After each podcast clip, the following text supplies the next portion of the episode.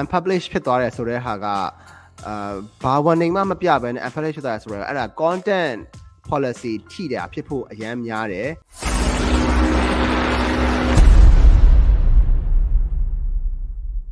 အာ novel ညီမထပ်ပြီးမိထားတာက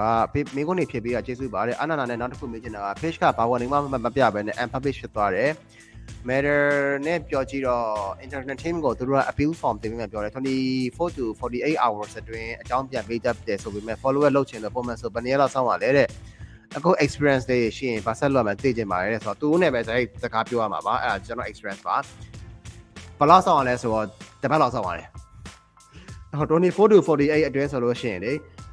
48 hour ပြည့်ပြီးရတဲ့ touch chase ပါ48 hour အတွင်း48 hour အတွင်းဆိုတာ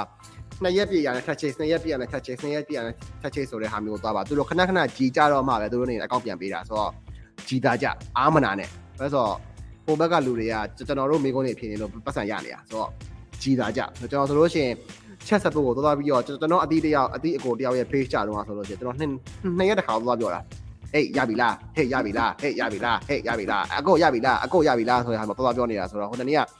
အဲနှစ်လလောက်ကြာသွားတဲ့အချိန်မှာသူတို့ကြည့်ရနောက်ဘူးလားလားမသိဘူး ပြန်ပေးတယ်အဲ့ဒါတော့မှဟက်ခံရတာဆိုတော့အဲ့တော့ကျွန်တော်အနေနဲ့ပြောချင်တာကတော့ဟို unpublish ဖြစ်သွားတယ်ဆိုတဲ့ဟာကအာဘာ warning မှမပြဘဲနဲ့ unpublish ဖြစ်သွားတယ်ဆိုတော့အဲ့ဒါ content policy ထိတယ်ဖြစ်ဖို့အရန်များတယ်အဲအဲ့တော့ဘာဘာကြောင့်လဲကျွန်တော်လည်းမသိဘူးเนาะကျွန်တော်စီမှာဟောဖြစ်တာဆိုတော့ yeah ဆိုတော့နေ့ရက်တစ်ခါတော့ chase ပါ